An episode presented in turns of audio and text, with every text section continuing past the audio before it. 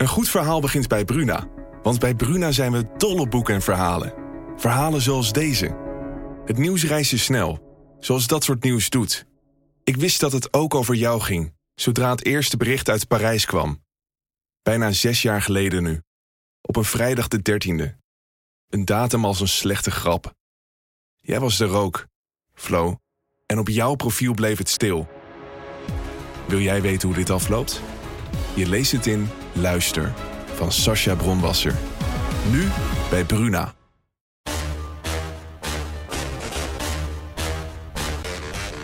Dit is Trick Privé.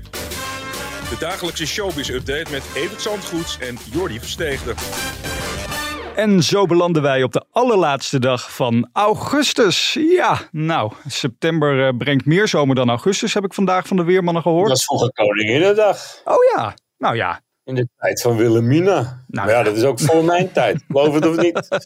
nou, speciaal daarvoor heb ik dan vandaag mijn haren oranje geverfd. Ehm, we gaan het nog heel even hebben over Ruud de Wild en uh, eh, J. Gulsen. Gisteren het gesprek van de dag natuurlijk. Ja, ja het is uh, al maanden dus. En ze willen niet zeggen of het tijdens die ongemakkelijke docusoap ook al voorbij was of niet. Nou, het zou me niet verbazen, want dat zou verklaren waarom het zo ongemakkelijk was om naar te kijken. Er was voortdurend wat met die mensen. En ik dacht dat ze zo waren, maar er speelde gewoon van alles. En ook de naweeën van Ruudse ziekte, ook al viel het allemaal wel mee achteraf.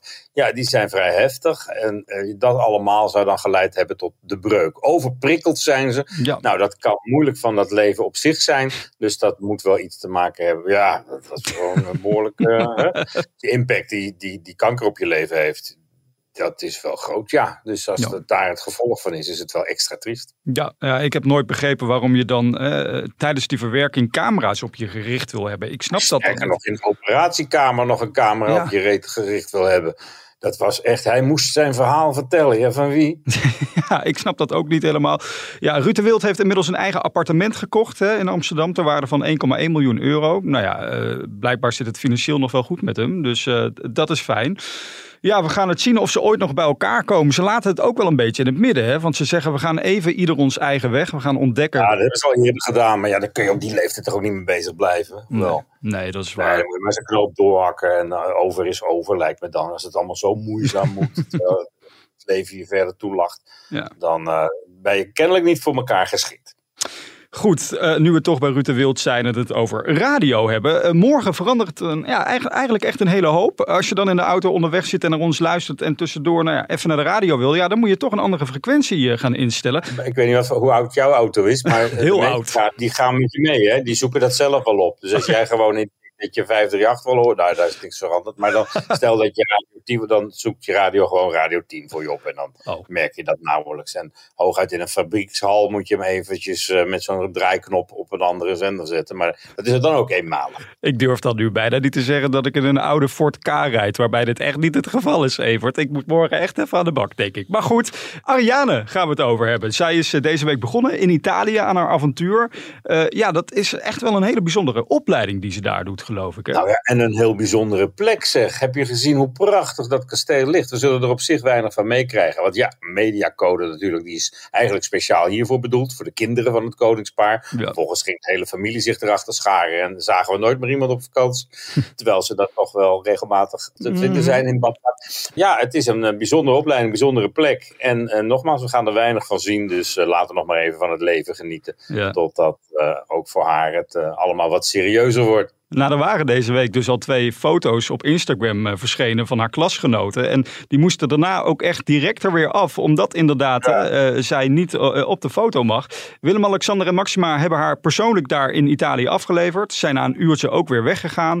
En nu moet ze het daar de komende twee jaar inderdaad alleen doen. Prachtige plek, leuke school met alle nationaliteiten. Je maakt er vrienden voor het leven.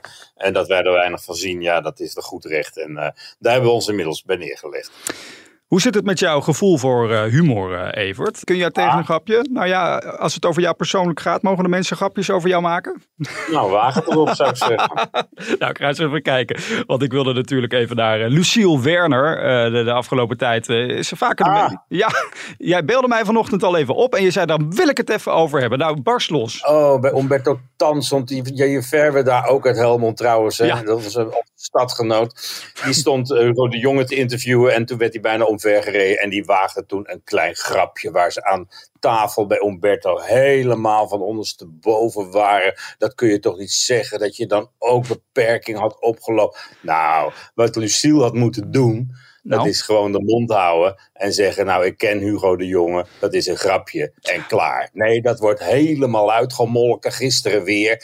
En Lucille moet Hugo de Jonge heel erg dankbaar zijn voor dat grapje. Want daardoor ging het helemaal niet meer over wat zij de afgelopen jaren in vredesnaam in die Kamer heeft zitten doen. Voor tonnen. Hè? Ja. Ze gaat er nu uit, krijgt net zo lang wachtgeld als dat ze er gezeten heeft. Ze is totaal niet afgerekend op het beleid, op wat ze gedaan heeft, op wat ze bereikt heeft. Dat gaat hooguit over wat ondertiteltjes bij tv-programma's en zo. Dat is alles. En in plaats dat Umberto daarna vroeg, gaan ze eindeloos door of Hugo de Jonge, die haar notabene in het zadel geholpen heeft, dat grapje had mogen maken of niet. Kijk. Lucille was heel erg bezig met een tv-programma, de minister van Gehandicapte Zaken. En dat werd uiteindelijk Rick Brink. Ik denk dat als je de foto ziet van die man, dat je hem wel voor de geest kan halen. Nou, die zou minister van eh, Gehandicapte Zaken worden. Maar ja, Lucille die had ook eh, wat eh, kansen geroken. Die pakt die hele Hugo de Jonge in. En Rick Brink wordt aan de kant gereden. Hmm. En Lucie Werner pakt vervolgens een kamerzetel. Nou, je kunt je voorstellen hoe ongelooflijk frustrerend dat was voor die Rick Brink. Die notabene een hele verkiezing had gewonnen. Zij heeft daar gezeten, dankzij Hugo de Jonge. En dit is een dank dat ze hem uitgebreid de les gaat zitten lezen. In plaats van dankbaar te zijn dat het daarover ging, al twee dagen. In plaats van over haar beleid, wat het totaal niet was. Punt gemaakt, maar even tot slot Ja, over maar. Ja. Lucille Werner is, dit is sowieso een verhaal apart. Die krijgt maar geld van die vriendenloterij. Tonnen per jaar gaat dat naartoe. Ze weigert verantwoording af te leggen. Wat ze daar in vredesnaam mee doet. Behalve panden huren en opdrachten geven voor televisieprogramma's. Die ze dan ook nog eens door een man laat produceren. Dus dat stinkt aan alle kanten. Laten we het daar eens over hebben als Lucille het nog waagt om aan een talkshowtafel aan te schuiven. Gaan we haar überhaupt nog ergens zien eigenlijk op televisie? Nou, ik denk het niet, want eh, wij proberen er ook te bereiken. Ze reageert nergens op. Al die vragen die we voor haar hadden, weigert ze te beantwoorden. Is een goed recht, maar ga niet zitten zeiken over Hugo de Jonge. Kijk. Tot slot, Evert, gaan we nog even hebben over de Gouden Televisiering. Want eh, volgende maand is het alweer zover. Ga jij daar naartoe eigenlijk? Heb je een uitnodiging? Eh, meestal wel, ja, ik vind het wel leuk. Ik vind het, ga er al ja, tientallen jaren naartoe eigenlijk. En ja, je ziet iedereen weer eventjes en zo. En ik ben ook nog wel eens in de prijzen gevallen met een eh, bekend interview als tv-moment van het jaar. Alles is weg, alles is weg. Maar, maar die herinnering is niet weg, dat is duidelijk. Nou, nu is dus een tussenstand bekend, hè, de voorlopige top 10. Eh, even met je doornemen, een paar titels. B&B voor Liefde natuurlijk nu eh, zit daarbij. Bureau eh, Arnhem zit erbij. Mokro Mafia. Oogappels, daar ben jij geloof ik wel fan van, hè? Ja, dat vind ik geweldig. Ja, Ja. Dat vind ik een van de mooiste dramaseries. Goed geacteerd door iedereen. Ja. Een fantastische serie die ik het heel erg zou gunnen.